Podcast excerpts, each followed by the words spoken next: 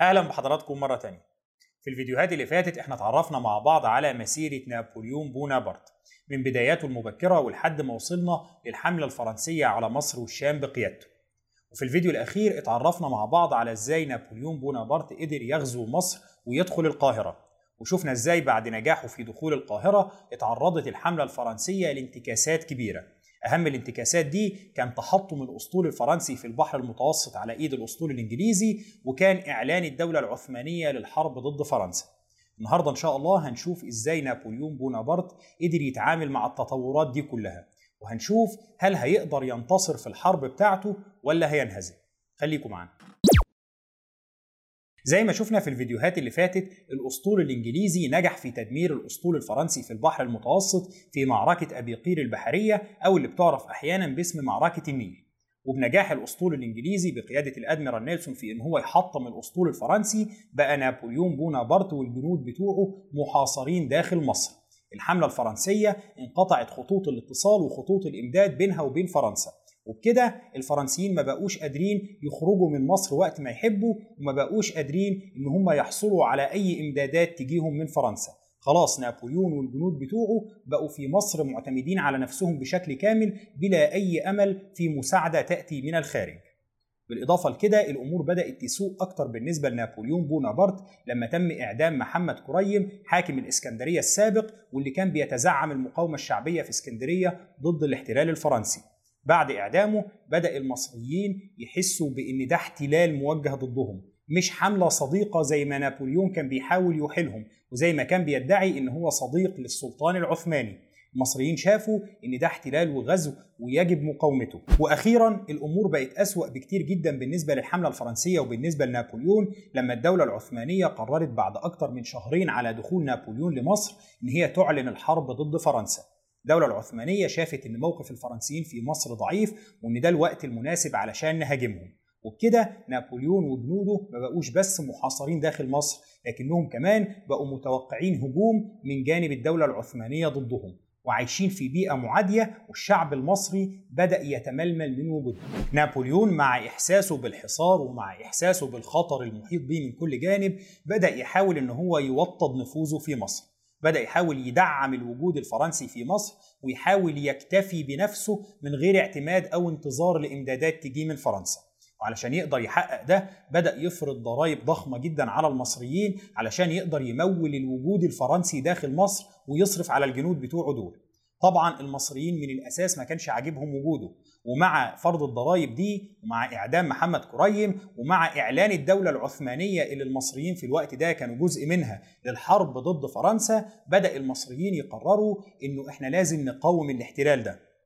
قبل كده كان مقاومة أي غزو أجنبي أو أي احتلال في مصر كان واجب على المماليك. المماليك كانوا هم القوة العسكرية بتاعه مصر. الشعب المصري كان بيصرف عليهم والمماليك كان ليهم وضع اقتصادي وأرستقراطي ممتاز جدا في مصر في مقابل إن أنتوا القوة العسكرية بتاعه مصر أنتوا اللي وقت الخطر هتدافعوا عنها.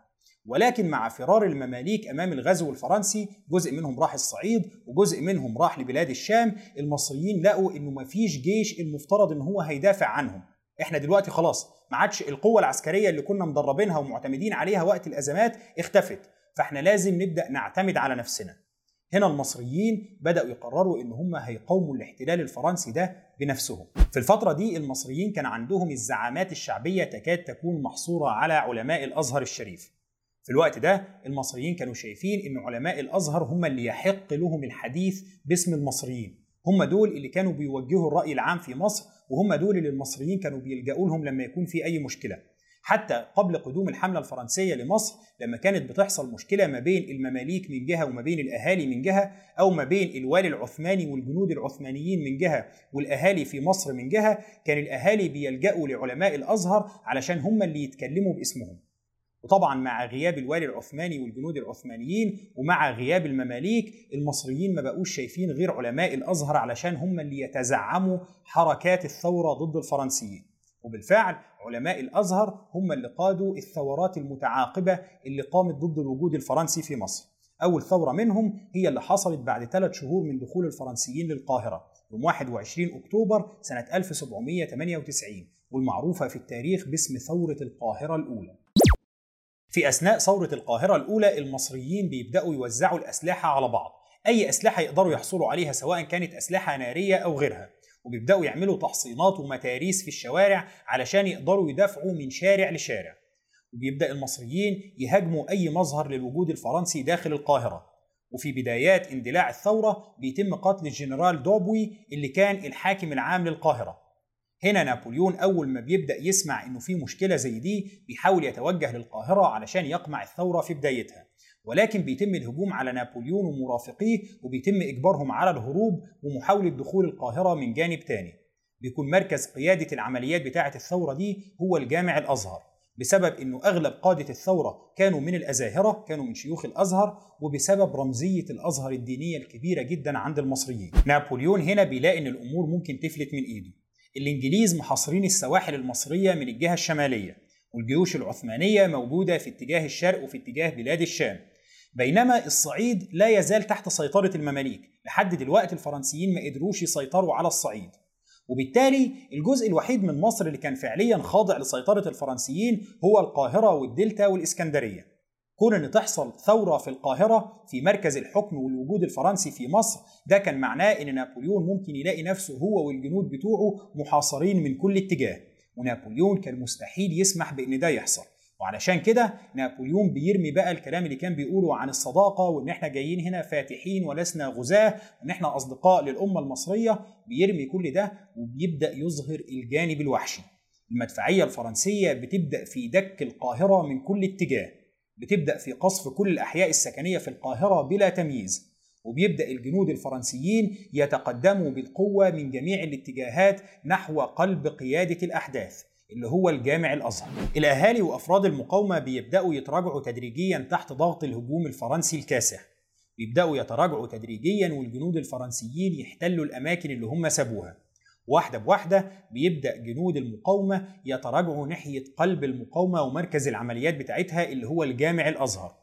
ومع تراجعهم الجنود الفرنسيين بيضيقوا الخناق عليهم أكتر وأكتر لحد ما القلة القليلة المتبقية منهم على قيد الحياة بتدخل للجامع الأزهر تحاول تستخبى فيه وتتحصن جواه. ولكن نابليون بونابرت ما بيديلهمش الفرصة دي. أول ما بيتم دخولهم للجامع الأزهر ويحاولوا يتحصنوا فيه نابليون بيؤمر المدافع الفرنسية بقصف الجامع الأزهر. وبالفعل المدافع الفرنسية بتقصف الجامع الأزهر وبعد كده الجنود الفرنسيين بيدخلوا الأزهر بالخيول بتاعتهم. بيقتحموا الجامع الأزهر وبيقتلوا أي حد موجود جواه. وبكده نابليون بونابرت بيكون نجح في القضاء على ثورة القاهرة الأولى. لكن حتى ده ما بيكونش كفاية بالنسبة لنابليون. نابليون بعدها بيؤمر بالقبض على أي حد ممكن يكون له علاقة بالثورة دي سواء بقيادتها أو بالتحريض عليها. من ضمن اللي بيتقبض عليهم بيكون في عدد كبير جدا من علماء الأزهر الشريف. لكن حتى ده ما بيكونش كافي لإنه يخلي نابليون بونابرت يتراجع عن قراره بإعدام عدد كبير منهم. وبالفعل نابليون بينفذ الأحكام دي وبيعدم عدد كبير من علماء الأزهر الشريف باعتبارهم قادة لثورة القاهرة الأولى. بعد إعدامهم بيترموا من فوق سور القلعة بدون مراسم دفن وبدون قبور. نابليون ما بيكتفيش بالقدر ده ولكنه بيطارد باقي علماء الأزهر اللي ممكن يمثلوا زعامات شعبية. في بعضهم نابليون بيخاف إن هو يقتله زي الشيخ السادات اللي نابليون بيرفض قتله خوفا من ردة الفعل. الراجل كان عنده شعبية ضخمة جدا لدرجة إن نابليون خاف إن قتله يجيب أثر ورد فعل عكسي. لكنه بالرغم من كده بينكل بعلماء الأزهر. بيصادر أموالهم هم وأي حد ممكن يكون له علاقة بالثورة وبيسجن بعضهم. وبيستمر التنكيل بيهم ده لفترة كبيرة بعد انتهاء الثورة. إجمالي عدد القتلى من المصريين في ثورة القاهرة الأولى بيتجاوز 6000 فرد. 6000 فرد تم قتلهم على يد القوات الفرنسية علشان يتم إخماد ثورة القاهرة الأولى. وبإخماد ثورة القاهرة الأولى بيستتب الأمر لنابليون ولو مؤقتا في القاهرة. خلاص نابليون قدر يسيطر على الثورة ويرسخ وجود الفرنسيين في القاهرة ولو بشكل مؤقت بسبب فارق القوة المهول ولكن سكان القاهرة وثوراتهم ضد نابليون ما بيكونوش هم العامل الوحيد في المعادلة. نابليون كان متوقع هجوم من القوات العثمانية. الدولة العثمانية أعلنت الحرب ضد نابليون في شهر سبتمبر. ولكن بيجي شهر أكتوبر وبعده نوفمبر وبعده ديسمبر كل ده والعثمانيين لسه ما بعتوش جيوش. وده بيشجع نابليون على إن هو يتحرك في مصر بحرية. وهنا نابليون بيقرر إن هو هيعمل جولة في مصر تحديدا في اتجاه مدينة السويس علشان يستكشف إمكانية ربط البحر المتوسط بالبحر الأحمر. العلماء الفرنسيين اللي كانوا مصاحبين للحملة الفرنسية على مصر شرحوا لنابليون بونابرت إنه أيام الفراعنة كان في قناة بتربط البحر الأحمر بنهر النيل وبالتالي كانت السفن تقدر تبحر من البحر الأحمر لنهر النيل ومنه للبحر المتوسط. كان في قناة بتربط البحر الأحمر بالبحر المتوسط بشكل غير مباشر. القناة دي اللي كانت معروفة باسم قناة سيزوستريس. ودي القناة اللي أعاد عمرو بن العاص حفرها مرة تانية بعد الفتح العربي لمصر واتسمت قناة أمير المؤمنين. الفرنسيين لما شرحوا الفكرة دي لنابليون كانوا شايفين إنها فكرة ممتازة تقدر تخليهم يحطموا القوة التجارية لبريطانيا بدون مجهود. بمنتهى البساطة لو القناة دي حقيقية ولو قدرنا نعيد حفرها مرة تانية وبالتالي نربط البحر الأحمر بنهر النيل بالبحر المتوسط يبقى كده اختصرنا طرق التجارة بشكل كبير جدا. وبقى سهل إن السفن تعبر من أوروبا للبحر المتوسط ومنه للبحر الأحمر ومنها إلى الهند وإلى الشرق الأقصى في وقت قصير جدا. ده معناه إن اللي يسيطر على مصر ويحفر القناة دي هيحكم طرق التجارة في العالم. وبالتالي لو فرنسا قدرت ترسخ وجودها في مصر وقدرت تحفر القناة دي هتكون دمرت القوة التجارية لبريطانيا ودمرت سيطرة بريطانيا على طرق التجارة اللي هي أهم مصدر من مصادر قوة بريطانيا بدون أي مجهود. لو فرنسا قدرت تعمل ده فهي حرفيا حكمت طرق التجارة العالمية بدون مجهود. فكرة القناة دي هي نفس الفكرة اللي تم تطويرها فيما بعد علشان تتحول لقناة السويس المعروفة حاليا. الفرق الوحيد إن القناة اللي كانت موجودة قبل كده كانت بتربط البحر الأحمر بنهر النيل ومنه للبحر المتوسط بينما قناة السويس ربطت البحر الأحمر بالبحر المتوسط مباشرة. نفس الفكرة دي فضلت متغلغلة في أذهان الفرنسيين لحد ما واحد فرنسي تاني اللي هو ديليسيبس قدر بعد أكتر من خمسين سنة على نهاية الحملة الفرنسية بقيادة نابليون في إن هو يقنع حاكم مصر سعيد باشا بمنحه امتياز لحفر قناة السويس. وده اللي اتحقق فعلا وبقى عندنا قناة السويس المعروفة حاليا. لكن عموما نابليون كان لسه في مرحلة استكشاف الفكرة كان عايز يتأكد هل الفكرة دي حقيقية ولا لأ. وعلشان كده بيخرج في حملة استكشافية مع مجموعة من العلماء الفرنسيين ومعاهم مجموعة جنود للحراسة. بيوصلوا لحد مدينة السويس وهناك بيدوروا على آثار للقناة القديمة. وبالفعل نابليون بينجح في إيجاد الآثار دي وبيشوفها بنفسه وبيتأكد إن قناة سيزوستريس أو قناة أمير المؤمنين كانت قناة حقيقية وموجودة وممكن إعادة حفرها واستغلالها تجاريا مرة تانية. نابليون بعد ما بيتأكد من الاكتشاف ده بيكمل الجولة الاستكشافية بتاعته وبيعبر إلى سيناء وبعد كده بيرجع مرة تانية إلى القاهرة.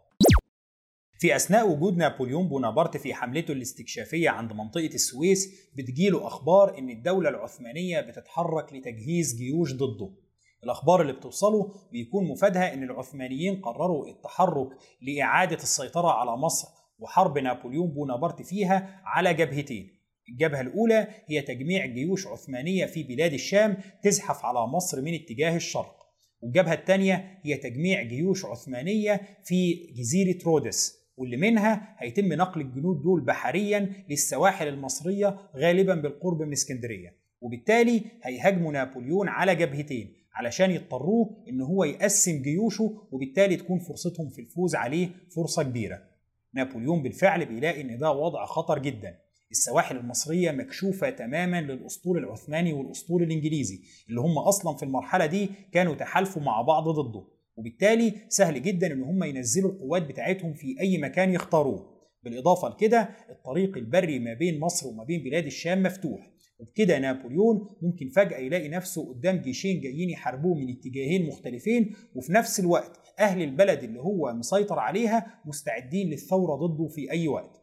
وعلشان كده نابليون بيشوف إن فرصته في الدفاع عن موقفه لو استنى مكانه فرصة محدودة جدا. خصوصا وإنه معزول تماما عن فرنسا ومفيش عنده أي أمل في إن هو يتلقى منها أي نجده وعلشان كده نابليون بيقرر إن هو مش هيستنى الهجوم ده يتم عليه. نابليون بيشوف إن هو لو استنى وصول القوات دي لمصر يبقى هيخسر بمنتهى التأكيد. وعلشان كده بيشوف إن فرصته الوحيدة علشان يقدر ينتصر على العثمانيين هي إن هو يواجه القوات العثمانية وهي لسه متفرقة. يواجه كل جيش منهم على حدة. طيب إحنا عندنا جيشين جيش بيتجمع في جزيرة رودس وجيش بيتجمع في بلاد الشام. في غياب أسطول فرنسي يقدر يوجه القوات الفرنسية ناحية رودس ما كانش قدام نابليون بونابرت إلا مكان واحد يقدر يهاجم العثمانيين فيه وهو بلاد الشام. وبالفعل بعد عودة نابليون من حملته الاستكشافية في منطقة السويس بيبدأ يجهز القوات الفرنسية بسرعة شديدة جدا علشان تدخل في حملة عسكرية جديدة.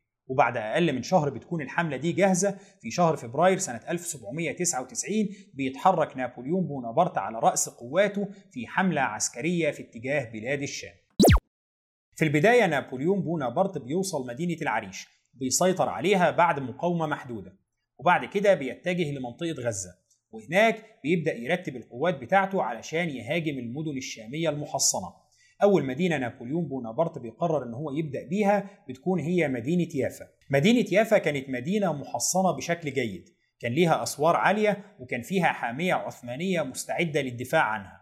أي نعم عدد أفراد الحامية دي ما كانش كبير ولكن الحامية كانت مصممة على الدفاع عن المدينة بأي شكل وكانت حامية مسلحة بشكل كويس. نابليون بيوصل لمدينة يافا يوم 3 مارس سنة 1799 وبيفرض الحصار على المدينة لمدة أربع أيام. هنا نابليون بيلاقي مقاومة شرسة من الجنود العثمانيين داخل المدينة. الجنود دول بيكونوا مصممين على الدفاع عن مدينتهم بأي شكل. ولكن المدفعية الفرنسية المتفوقة بتنجح بعد فترة في فتح ثغرة في أسوار المدينة. ومن الثغرة دي القوات الفرنسية المتفوقة عدديا بتقدر تخترق المدينة وتدخلها. هنا نابليون بفضل القوات المتفوقة عدديا بتاعته وبفضل المدفعية الفرنسية بينجح في السيطرة على المدينة بالرغم من مقاومة أفراد الحامية دي. في النهاية بتستسلم يافا وبيستسلم أفراد الحامية وبينجح نابليون بونابرت في السيطرة على المدينة. بعد سقوط يافا نابليون بيرتكب واحدة من أبشع جرائم الحرب اللي ممكن أي قائد عسكري يرتكبها في حياته وهي إعدام الأسرى. نابليون بيؤمر الجنود بتوعه بإعدام كل الأسرى اللي سقطوا في يد القوات الفرنسية بعد سقوط يافا. الأسرى دول اللي كانوا بيشملوا عدد من المدنيين وكانوا بيشملوا أفراد الحامية العثمانية اللي استسلموا للفرنسيين. العدد الإجمالي للأفراد اللي بيتم قتلهم بدم بارد وهم أسرى في يد القوات الفرنسية بيكون تقريبا 5000 فرد. في 5000 فرد بيتم قتلهم لمجرد إن نابليون بونابرت حب يبعت رسالة للناس إن المقاومة غير مجدية. أنا اللي هيقاومني هقتله. وعلى الجانب الآخر نابليون كان بيحاول يبرر اللي هو عمله ده بإن هو ما عندوش أكل كفاية إن هو يوكل 5000 أسير وما عندوش قوات كفاية تحرس 5000 أسير. طيب سيبهم. قال لك لا ما أنا لو سبتهم هيروحوا ينضموا لوحدات الجيش العثماني الباقية في بلاد الشام ويحاربوني مرة تانية. فاحنا خلينا نخلص من دول خلينا نقتلهم وبكده يبقى ضمننا إن هم مش هيقوموا من مقابرهم يحاربونا مرة تانية وفي نفس الوقت نبقى بعتنا رسالة لكل المدن الشامية التانية إن اللي هيقاومنا هنقتله. بالفعل أوامر نابليون بونابرت بتتنفذ وبيتم قتل ال 5000 أسير بدم بارد. ولكن قتل الأسرى دول بيكون وبال على رأس نابليون. نابليون كان فاكر إن هو لما يقتل الناس دول الرعب هينتشر في بلاد الشام والحاميات العثمانية هتهرب وتسيب له المدن مفتوحة. ولكن اللي حصل كان العكس تماما. الراجل ده أثبت إنه الاستسلام مش هيفيد. نستسلم ليه؟ ده إذا كان اللي استسلموا له قتلهم.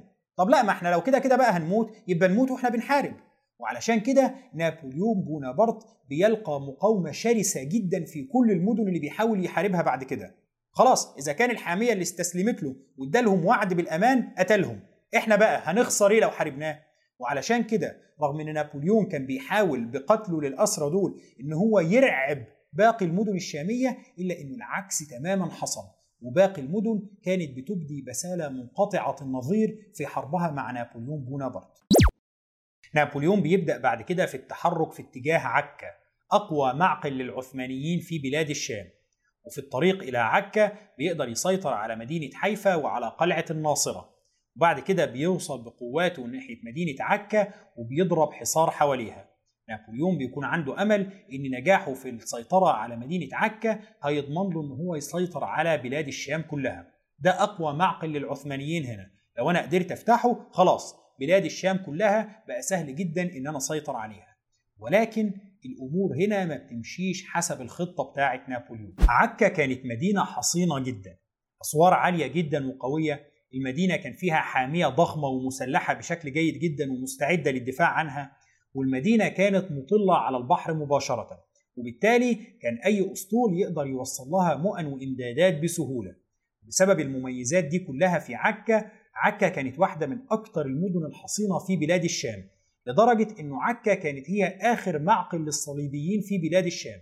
كل المدن والإمارات والممالك الصليبية في بلاد الشام سقطت أولا لحد ما اتبقى عكا بس كمعقل أخير للصليبيين وده كان آخر مكان في بلاد الشام المسلمين يستردوه من الصليبيين سنة 1291 بسبب كل الإمكانيات دي عكا كانت أصعب مكان يقدر نابليون بونابرت يسقطه في بلاد الشام كلها. هنا لازم نتعرف على خصم نابليون بونابرت في المعركة دي اللي هو حاكم مدينة عكا أحمد باشا الجزار. أحمد باشا الجزار كان حاكم عثماني مرعب.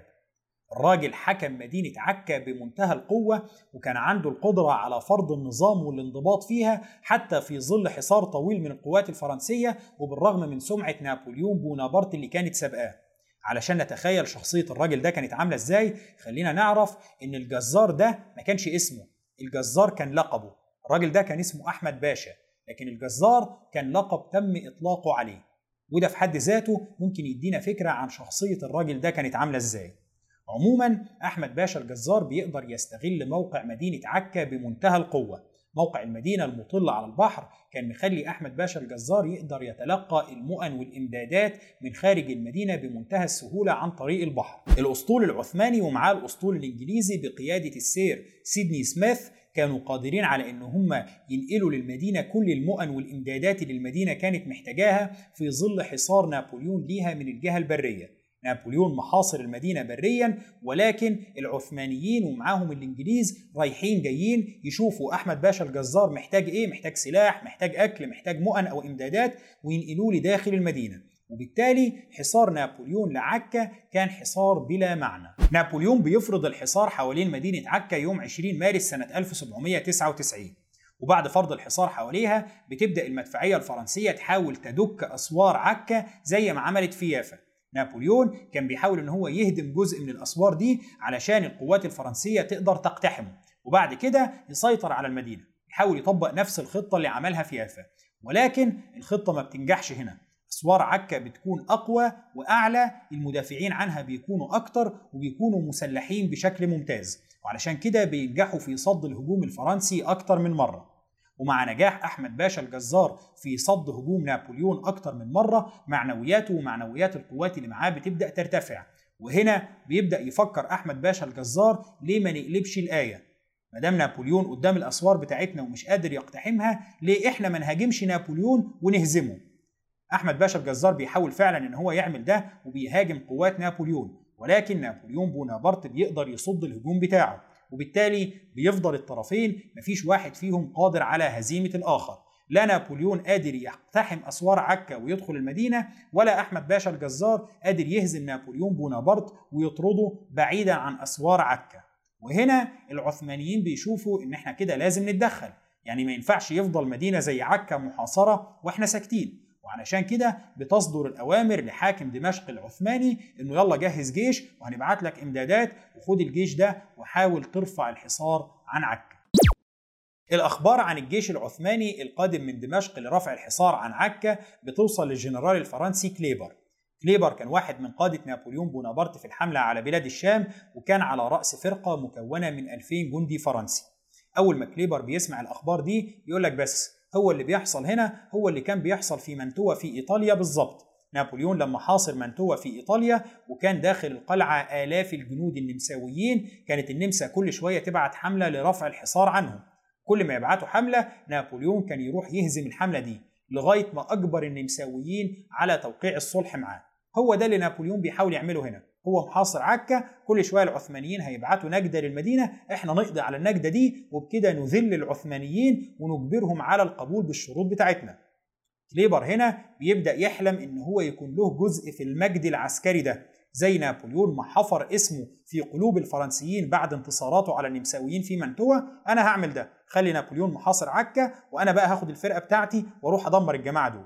أول ما بتوصل له الأخبار دي بيقوم كاتب رسالة بسرعة لنابليون يقول له بص أنا وصلتني أخبار بتقول إن في جيش عثماني جاي وأنا قررت إن أنا هروح أهاجم الجيش ده وأدمره لك. ما تشغلش بالك أنت أنت خليك في عكا وأنا هاخد الفرقة بتاعتي وأروح أدمر الجيش ده. وبالفعل كليبر بياخد ال 2000 جندي بتوعه وبيقرر إن هو هيهاجم القوات العثمانية عند سفح جبل اسمه جبل طابور. قرر إن أنا هروح عند الجبل ده وأوصل هناك وهم نايمين أو يعني في أواخر الليل والقوات مش مستعدة وهاجمهم. وبكده أقدر انتصر عليهم واعمل انتصار يخلد اسمي. ولكن كليبر ما بيحسبش الحسبة بتاعته كويس على ما القوات بتاعته بتوصل لسفح الجبل بيكون النهار طلع. وهنا العثمانيين اللي صاحيين وفايقين ومستعدين للقتال اللي الجيش بتاعهم كان مكون من عشرين ألف جندي بيلاقوا قدامهم 2000 جندي فرنسي جايين مع كليبر في سهل مفتوح. يقولوا بس إحنا هنفطر بال 2000 جندي دول. وبالفعل يبدأ العثمانيين يهاجموا الجنود بتوع كليبر علشان يدمروه. المعركة بتبدأ ما بين العثمانيين وما بين الجيوش الفرنسية بقيادة كليبر ولكن بيكون واضح إن المعركة دي نهايتها هتكون كارثية بالنسبة للجنود الفرنسيين. مفيش ابدا تكافؤ في القوة ما بين الأعداد التسليح شبه متكافئ وبالتالي فرصة الفرنسيين في الفرار شبه معدومة. وفي نفس الوقت إحنا بنقاتل عند سفح جبل يعني مفيش حد له أفضلية على التاني من ناحية الموقع. ولكن مع احتدام القتال واقتراب قوات كليبر من الكارثة بتظهر المفاجأة. نابليون اللي كانت وصلته رسالة كليبر وعرف إنه كليبر رايح بالقوات الفرنسية دي ناحية هلاك محقق بيجيب 2000 جندي معاه وبيجي من الخلف يهاجم العثمانيين أثناء انشغالهم بالقتال مع كليبر. ظهور نابليون بيكون مفاجأة كبيرة جدا بالنسبة للعثمانيين. وبالتالي صفوفهم بتتفرق والجيش العثماني بينهزم في معركة جبل طابور. نابليون بيقدر يحقق الانتصار بتاعه وبيرجع مرة تانية علشان يحاصر عكا. معركة جبل طابور بتحصل يوم 16 أبريل سنة 1799 تقريبا بعد شهر من بدء الحصار حوالين عكا. بعد انتهائها نابليون بيرجع مرة تانية يستكمل حصاره حوالين المدينة. بالرغم من انتصار نابليون على العثمانيين في معركة جبل طابور إلا إن ده ما بيغيرش أي شيء بالنسبة لوضع عكا. نابليون بيرجع يحاصر عكا مرة تانية ولكن انتصاره ده ما بيمنحهوش أي أفضلية. ما زالت أسوار المدينة صامدة ما زالت حامية المدينة بقيادة أحمد باشا الجزار قادرة على المقاومة وما زال العثمانيين والإنجليز بيوصلوا الإمدادات بشكل منتظم لمدينة عكا. وبالتالي أحمد باشا الجزار بيبدأ ياخد باله من حاجة إضافية. إحنا إيه اللي مزعلنا من الحصار ده؟ يعني في الأول فكرة حصار المدينة دي فكرة مرعبة ولازم نتصرف ولازم نحاول نرفع الحصار. بس مع الوقت عدى شهر أو أكتر من شهر على بداية الحصار. إيه المشكلة؟ إحنا قاعدين جوه المدينة محصنين نفسنا كويس قادرين ندافع عنها والإمدادات بتجيلنا. كل شوية العثمانيين والإنجليز رايحين جايين مش محتاج أي حاجة نجيب لك أكل تاخد سلاح تاخد إمدادات. طب إحنا إيه اللي مزعل؟ خلينا قاعدين وخلي نابليون قاعد تحت الاسوار وخلينا نشوف مين اللي هيتعب الأول. يعني الوضع ده لو استمر سنة لو استمر سنتين لو استمر عشر سنين المحاصرين داخل عكا ما همش متضايقين في حاجة. بل بالعكس ده عكا هي اللي محاصرة نابليون. لأنه نابليون لو فكر للحظة إن هو يرفع الحصار حوالين عكا ويروح يهاجم أي مدينة شامية تانية الجيوش المحاصرة داخل عكا هتخرج وتهاجمه من الخلف. وبالتالي نابليون ما يقدرش يتحرك من مكانه ده إلا لو سيطر على مدينة عكا. وعكا بالشكل ده لن تسقط.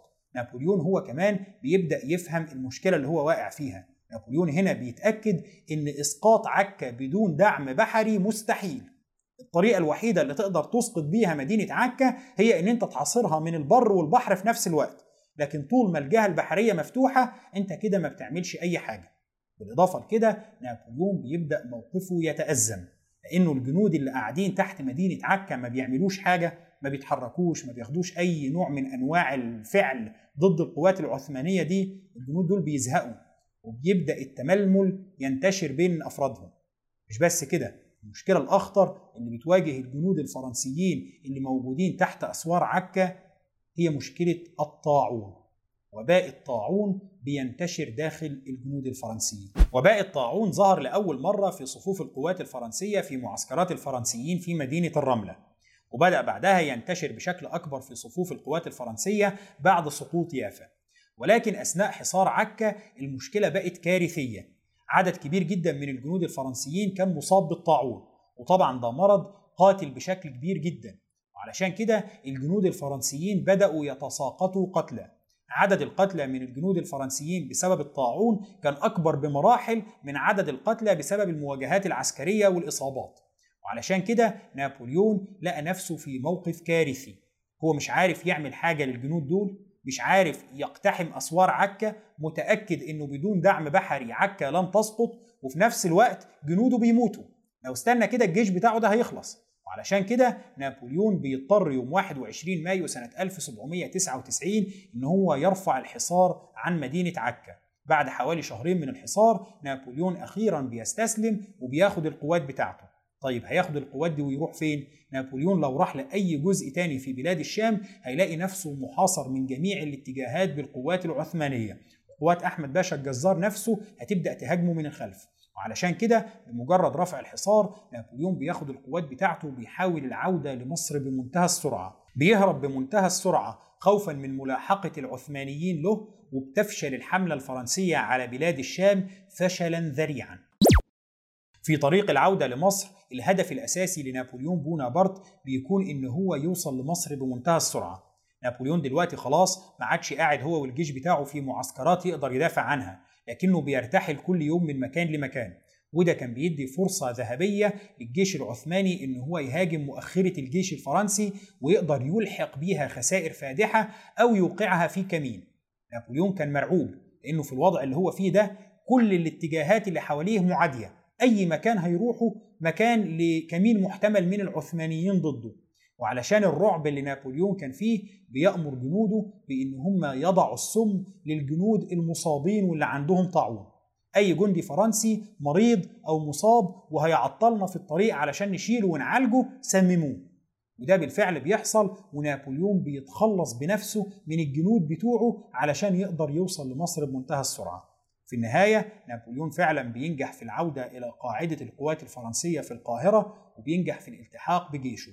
ولكن بعد هزيمة مرة جدا لاقاها في بلاد الشام. هنقف لحد هنا النهاردة إن شاء الله والأسبوع اللي جاي هنكمل كلامنا علشان نشوف إزاي نابليون بونابرت قدر يتعامل مع الهزيمة الكارثية اللي لحقت بيه بقواته في بلاد الشام وإزاي قدر يتعامل مع الوضع المضطرب والتهديدات اللي موجودة حواليه من كل اتجاه في مصر وإزاي بعد كده قدر يرجع لفرنسا. شكرا لحضراتكم وإن شاء الله نكمل كلامنا الأسبوع اللي جاي.